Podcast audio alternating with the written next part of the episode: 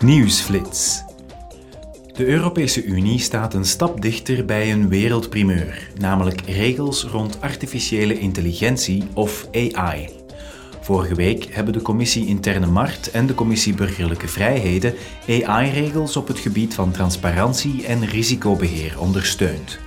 De parlementsleden willen dat AI-systemen onder toezicht van mensen staan, dat ze veilig, transparant en milieuvriendelijk zijn en dat ze niet discrimineren.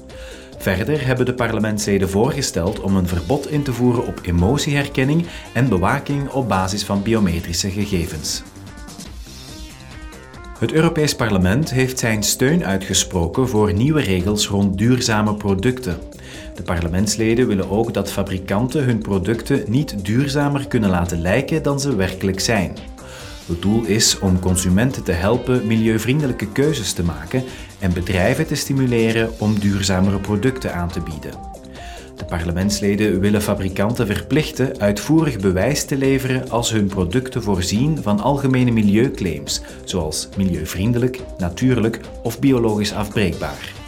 Daarnaast willen ze dat er een verbod komt op ontwerpkenmerken waardoor producten minder lang meegaan. Nog tot vrijdag zijn leden van de Commissie Buitenlandse Zaken op bezoek in de Verenigde Staten. Hun missie bestaat erin een diepgaande dialoog aan te knopen met de Amerikaanse regering en leden van het congres.